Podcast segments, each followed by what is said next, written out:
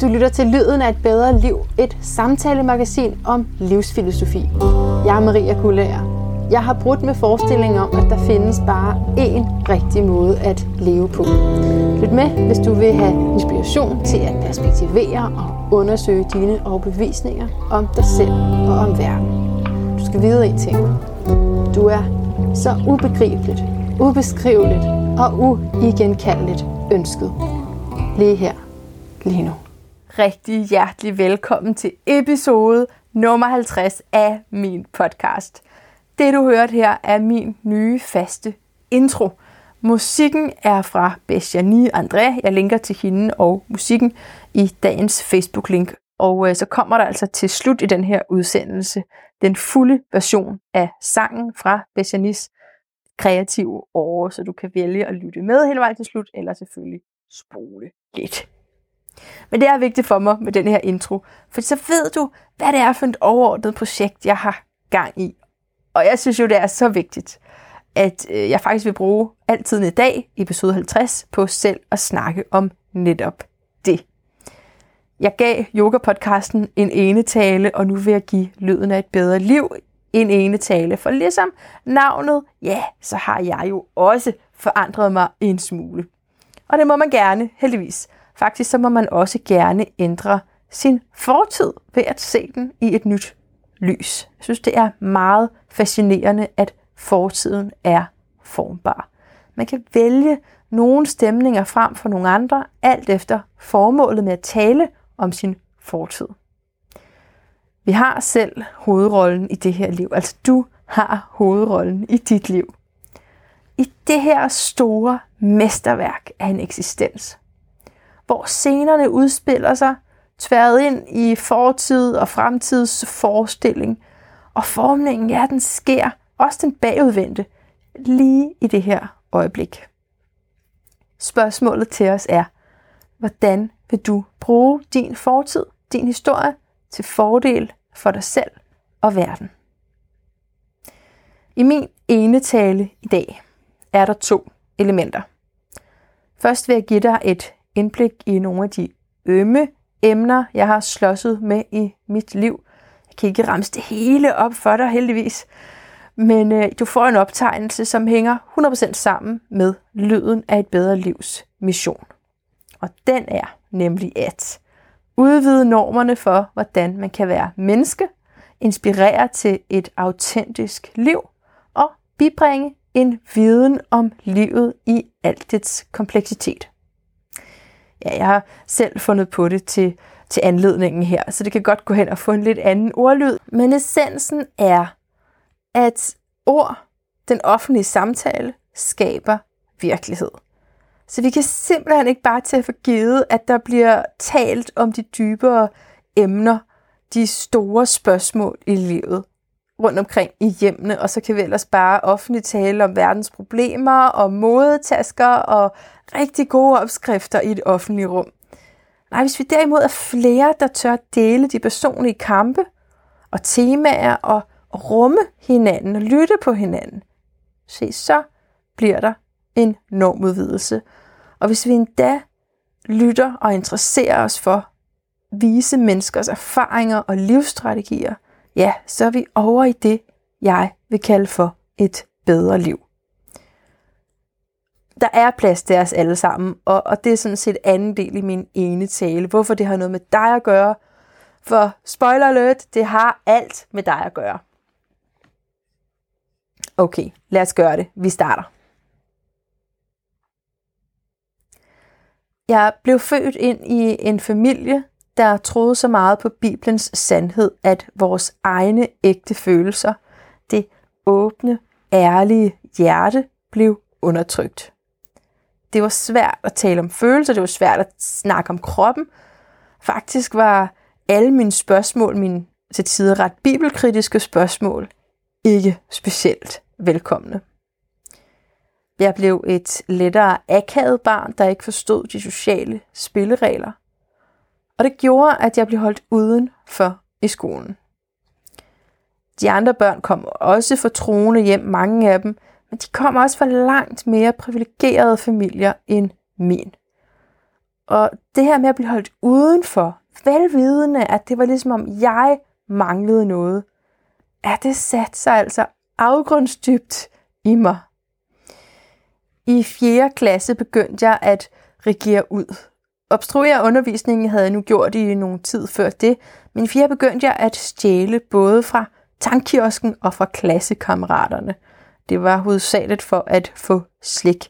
Jeg løj om det, og da det kom frem i lyset, jeg måtte betale tilbage og skamme mig i al offentlighed, ja, så fik jeg en selvopædende dårlig samvittighed. Og en tyngde lige ned i min følelse af, at jeg kronisk manglede noget. I min natur for at kunne leve. Den periode installerede en mistillid i mig til mig selv. Tænk, at jeg kunne gøre sådan noget. Jeg kunne da ikke være til at stole på. Og det gjorde også, at selv den dag i dag kan jeg ikke tale om det at være kriminel, uden at en eller anden del af mig føler stor sympati med typer, som føler sig nødt til at handle sådan. Det er som om, jeg forstår på et meget dybt niveau, hvor ufrivilligt den slags ugerninger er. Som teenager og faktisk helt op til 20-års alderen, forsøgte jeg jævnligt at begå selvmord. Det var sådan en flugt- eller forsvarsmekanisme, som jeg ikke selv kunne forklare. Nogle gange forklarede det med, at jeg gerne ville i himlen.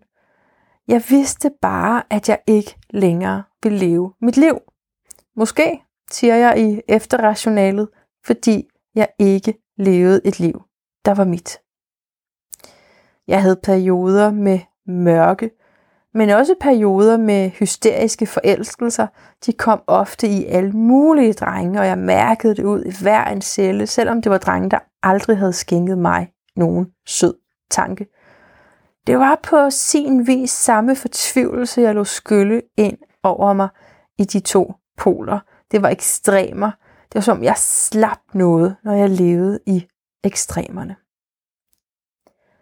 Jeg havde ikke kapaciteten til at forstå, hvordan jeg kunne undgå, at smerte knækkede mig fuldstændig over. Mine forældre havde deres lidelser at se til, og håndtering af deres udfordringer var ikke just eksemplarisk, men blev alligevel noget, jeg ubevidst modellerede, som det jo tit forholder sig. Deres følelse af ikke at være gode nok og ikke helt passe ind, eller i hvert fald, og i hvert fald slet ikke passe sammen, var den eneste streng, jeg havde at spille på, når jeg i skolen blev gjort til grin, eller når jeg selv sørgede for, at de andre grinte af min mistrivsel. Min efterskoleår var en uvurderlig redning for kreativiteten i mig. Min evne til at lede, gå forrest og til at underholde, blev ikke bare dømt ude som værdiløs, øh, som i folkeskolen, eller blev dømt som noget, der forstyrrede undervisningen. Nej, jeg dannede nye venskaber, og jeg blev hurtigt faktisk besat af, at alle skulle kunne lide mig, fordi jeg gik fra at være den her taber-type til at faktisk at blive betragtet og behandlet som et værdigt menneske. Der var nok også en ekstrem, der sned sig ind i projekt, projektet om, at alle skulle kunne lide mig. Og det var svært at råbvise alle, for indadtil var fordømmelsen stadig større end kærligheden. For første gang i mit liv, i de år, eksperimenterede jeg med at tro lidt mere på, at jeg var sej nok, og at jeg faktisk godt kunne måle mig selv med de aller smukkeste elever. Jeg havde dog temmelig tykke religiøse idéer på stadigvæk, og min kærlighed til mig selv bundet i en idé om, at jeg var skabt af Gud.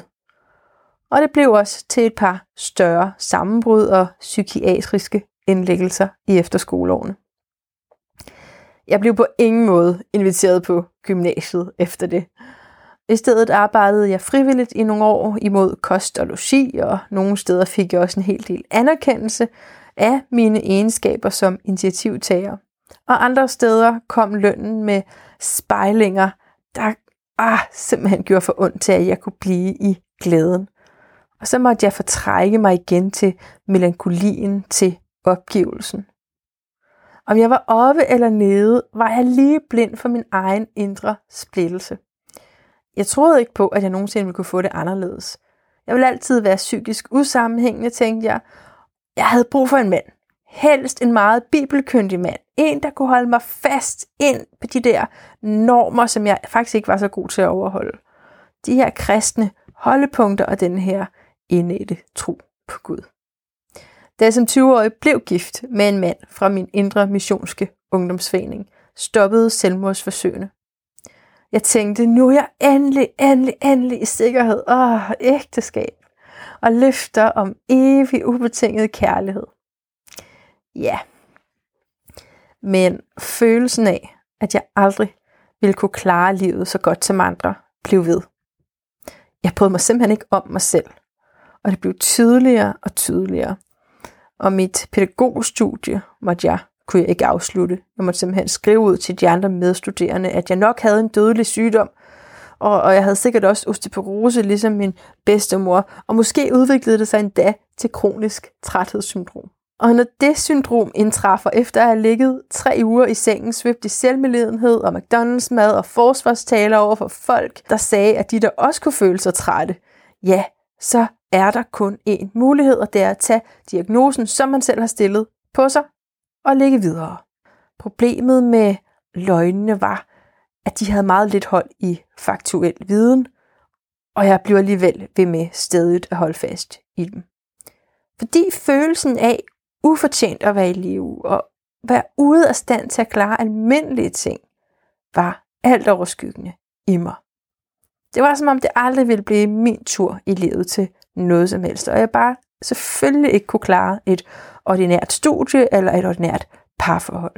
Det var min sandhed, det var min tolkning af, hvad der var galt med mig, uanset hvilket ansigt den så fik. Fordi vi ikke just var fyr og flamme i sengen, som vi havde håbet på, inden vi blev gift, ja, så aftalte vi, at jeg gerne måtte indlede fysiske forhold til andre mænd. Det var en freestyle med ægteskabsløfterne over for Gud. Men på det tidspunkt, så tænkte jeg, at så længe min ægtefælle og jeg var enige om det, så ville Gud sikkert også være enig. Da der kom lys på min affære, som jeg var blevet tilladt af min mand, men jo ikke lige havde delt med hele kirken, ja, så blev jeg lukket ude af det kristne fællesskab, som jeg på det tidspunkt elskede og stortrivedes i. Jeg var oprevet i et par måneder, men så blev jeg gravid, min krop ændrede sig og til et brækmonster igennem alle ni måneder, og jeg kunne pludselig kun se, at al min elende var min egen skyld. Det, jeg havde gjort, var utilgiveligt, og nu måtte jeg ligge her og lide syg, som jeg var. Og det var før jeg vidste, hvad en podcast var. Jeg havde med andre ord rigtig god tid til at begrave mig i min dårlige samvittighed, i min rigtig dårlige selvfølelse. Vi tænkte, at en ny start i en ny by ville gøre os godt. Vi fandt en ny kirke, vi konverterede til kernesund familie, sådan livsstilsmæssigt og fødemæssigt. Og vores forholdsproblemer blev meget små i forhold til, hvad det krævede af os at have en baby.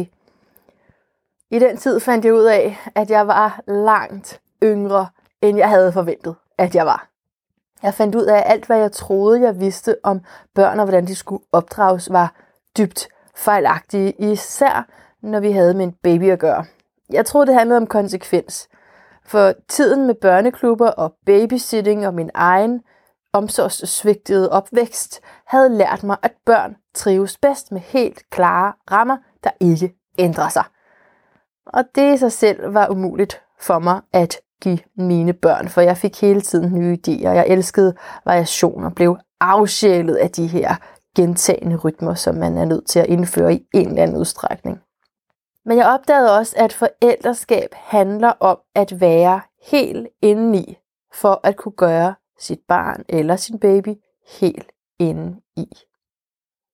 Og jeg var forelsket i min baby. Dybt, dybt forelsket i min baby. Men jeg var ikke spor forelsket i mit liv. Slet ikke i livet som mor. Jeg begyndte på antidepressiv, men jeg blev hurtigt gravid igen og måtte stoppe behandlingen. I den tid var mit selvbillede stærkt præget af, at flere bekendtskaber fra kirken havde fået stillet diagnosen ADHD. Det var der i det hele taget mange, der fik lige i den periode. Jeg mailede hjem til min mor, der skrev tilbage, at hun altid havde vidst, at jeg fejlede noget i den retning. Hun ville bare ikke sige det højt. Godt så. Nu var jeg sikker på, at jeg var fuldstændig psykisk syg, hvis fortiden, hvis tiden op til da ikke allerede havde bekræftet så fremdeles. Kort efter kom jeg ud for en ulykke, og efterfølgende skulle jeg genoptræne mine ben for at undgå operation. Så det var sådan, jeg begyndte i et fitnesscenter. Jeg gik fra at have alle former for motion til faktisk at behøve flere timers motion omtrent hver anden dag mindst. Jeg begyndte at dyrke mine interesser for politik og samfund. Jeg fik meget mere energi i den tid. Jeg kom ind på socialrådgiveruddannelsen. Jeg fødte uden at tage barsel. Og så var det, jeg blev klar over, at kirkehistorien ikke længere skulle have mig i sig. Jeg læste simpelthen bøger, der fik mig til at se, hvor galt jeg havde været på den.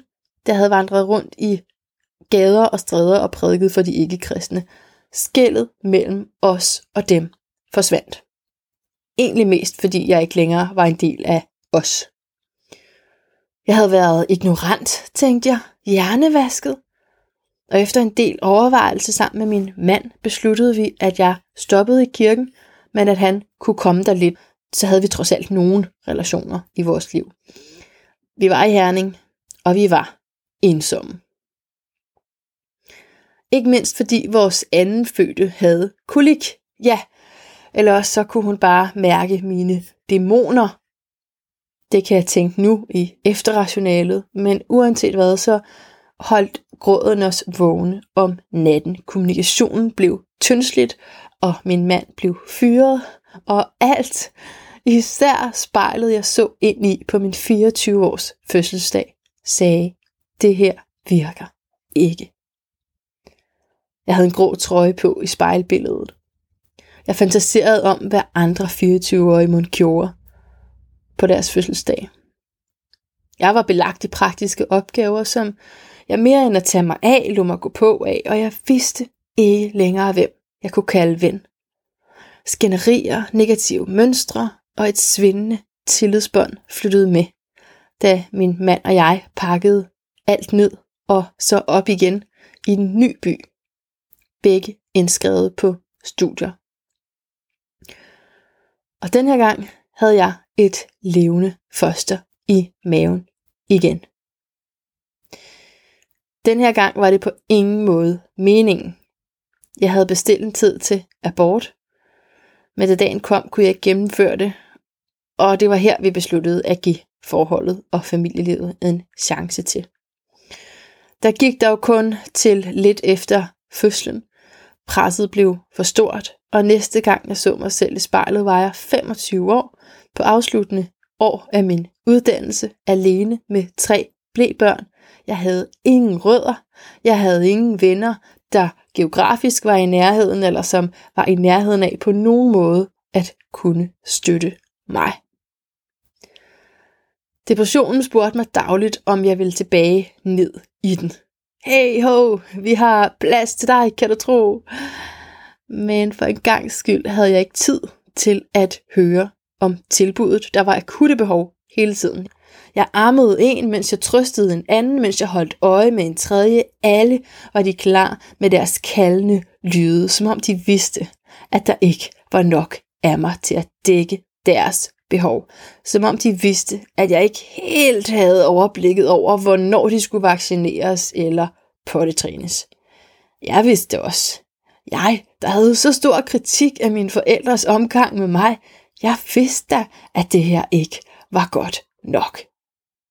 Og en dag fik jeg gennem Facebook kontakt til en familie, hvor moren var privat dagplejer. Det møde blev fuldstændig skældsættende i mit og mine børns liv. Jeg havde egentlig gået hjemme med børnene i nogen tid, og endelig fået institutionsplads til dem alle tre samme sted. De havde jo faktisk kun et år imellem sig, så det kunne godt lade sig gøre. Det lød ikke særligt tiltrækkende, at jeg pludselig skulle hente og bringe flere steder, og en privat dagpleje ville også koste flere penge. Men i stedet lavede vi en privat plejeaftale, og min baby på 9 måneder flyttede ind til familien og kom hjem til mig weekenderne. Pludselig havde jeg en hånd til hver af mine børn. Der kom en anden ro på mig. Der var stadig rigtig meget gråd fra min anden fødte, men i det mindste gik det ikke længere ud over min baby.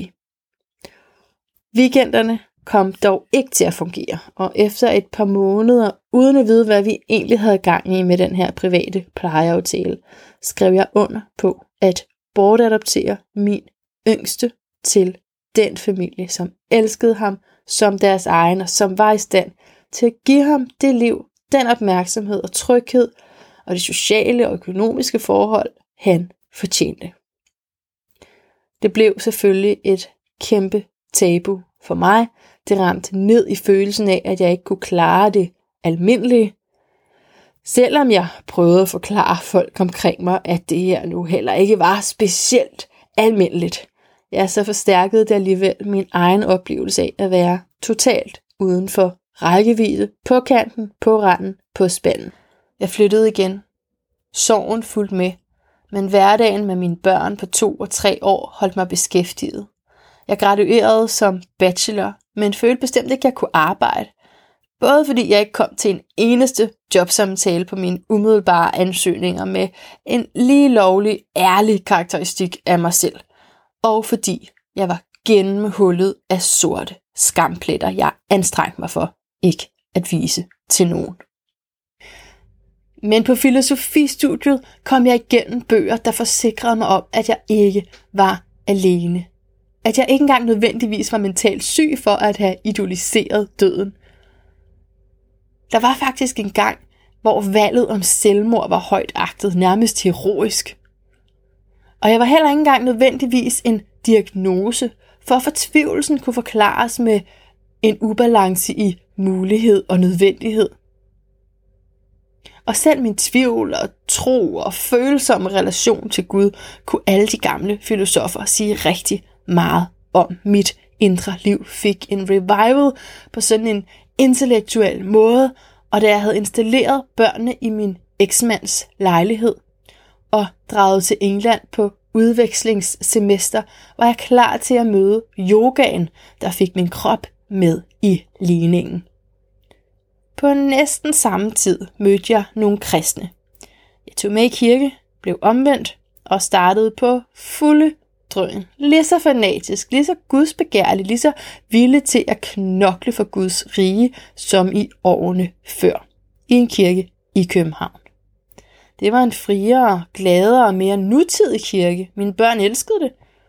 Og med alle de venner, jeg meget hurtigt fik der, skulle man næsten tro, at jeg var kommet hjem. Men jeg kæmpede stadig med at finde job og bolig, og mennesker jeg sådan virkelig kunne betro mig til. Gud hørte ingenting, følte jeg. Igen lod jeg børnene blive et par måneder ved deres far, mens jeg tog til Indien. Jeg havde håbet, at Gud ville give mig svar, når jeg drog ud, og når jeg var væk fra kirkeliv og familieliv og overladt til hardcore yogatræning, men i stedet kom jeg hjem forslået og fysisk lige så i stykker, som jeg følte det indeni. Jeg prøvede med kirken igen, men nu var det som om yogaen var det, der var galt med mig i nogle af de andres øjne.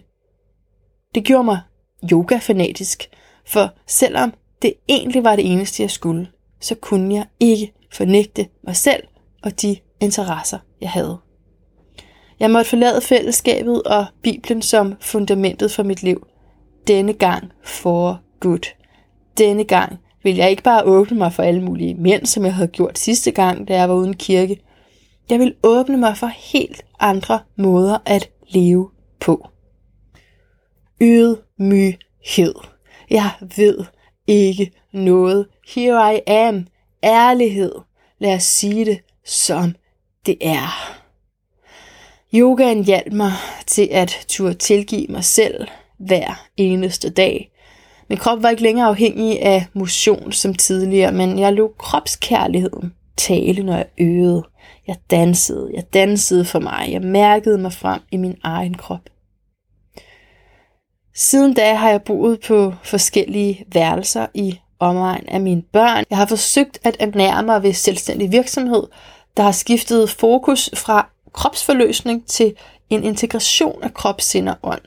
Til at holde samlinger, der rækker ud over vores normale tilhørsforhold. Til spørgsmålet om, hvordan lever jeg med alt det, jeg er? Med det, jeg har, og det, jeg ikke har forstået indtil nu.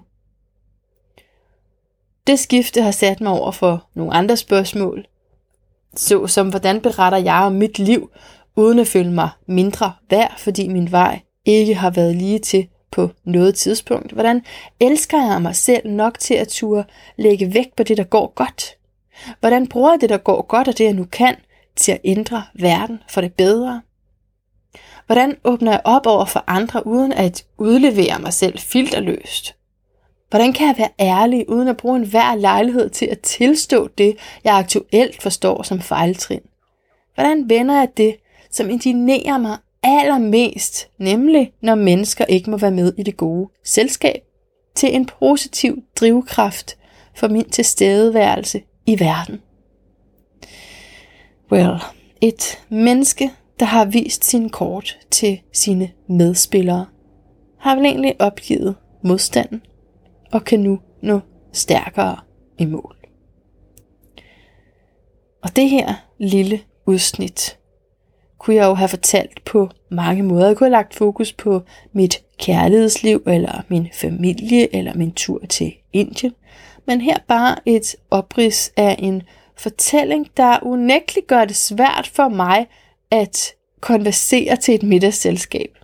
Og, og det er måske en af grundene til, at jeg har så stor modstand på den slags. Fordi så snart jeg bliver spurgt, hvor mange børn har du? Ja, så tænker jeg, hvor mange tæller vi med? Og hvor bor du? Ja, altså mener du, hvor jeg sover, eller hvor jeg har børnene om eftermiddagen? Hvor er du fra? Ja, altså jeg kan da godt fortælle dig navnet på byen, jeg er vokset op i, men jeg flyttede derfra som 15 år, og jeg har ikke nogen kontakt til hverken stedet eller familien. Hvor vigtigt er det? Hvad arbejder du så med? Ja, altså lige nu arbejder jeg mest på et projekt, der ikke som sådan giver mig en indtægt, så altså et arbejde, ved jeg ikke, om, om man kan sige, det er, Nå, men hvad skaber så værdi i dit liv? Hvad brænder du for at udbrede, og hvad tror du meningen med livet er? Ja, jeg troede aldrig, du ville spørge mig om det, og det er nu også enormt sjældent, at jeg bliver spurgt til det. Men så vil jeg naturligvis sige noget i retning af, at Lyden af et bedre liv er min podcast, talkshow, studiegruppe. Det er primært interviews om livsfilosofi. En lyd, jeg vil ønske, jeg havde hørt noget før, ærligt talt. Og som jeg til dags dato er dybt afhængig af at høre. Jeg ønsker at bruge mine største sorger og tragedier til at stille spørgsmålstegn ved de eksisterende idéer om, hvordan vi skal leve. Og til at sige, hey, ja, okay, så du har levet et rådent liv måske, men der er en ny dag, og den hedder lige nu, og du er inviteret. For midt i alt det, der kan ramme os i livet, har vores tilgang, attitude, håndtering, fokus og øvrige verdenssyn afgørende betydning for vores sindelag, for vores følelse af, om det er okay, at vi er her. Når jeg for eksempel sorterer skamfølelse og udulighedsfølelsen væk, er så er mit liv markant bedre, og at, altså at gøre det, det er, det er ikke en ren mental sag. Det kræver øvelse, og det kræver rensagning af fortidens smykker. Og så kræver det rigtig meget andet. Det er, det er noget af det, som jeg ynder at tale om spørge om, ikke mindst i mine podcasts. Mine arrangementer er netop til dig, der ønsker at blive inspireret på din vej og opmuntret til at leve et liv i overensstemmelse med, hvem du er. For det er ultimativt din indre GPS, der kan vise dig vejen frem. Og nu er vi altså nået til den anden del i den her ene tale, hvor det handler om dig. Hele baggrunden for, at jeg lægger det her frem for dig meget ærligt og sårbart? Jamen, det er, at jeg ved, at jeg ikke er enestående. Jeg er ret fantastisk, men jeg er ikke enestående. Du har din særlige historie. Og uanset om den er milevidt fra min, eller om du genkender følelser og livsbegivenheder, så er din historie lige så rigtig og lige så vigtig som min er. Den kan ses fra så utrolig mange vinkler og blive til så mange helt forskellige opgørelser, som min også kan. I det her nu bestemmer vi over fortiden. Jeg må igen og igen spørge, skal skammen blive ved med at i rette sætte dig, Maria? Eller kan du være fri? Kan du undersøge livet på din egen måde, uden at føle, at det du gør og vil er i strid med det du burde gøre?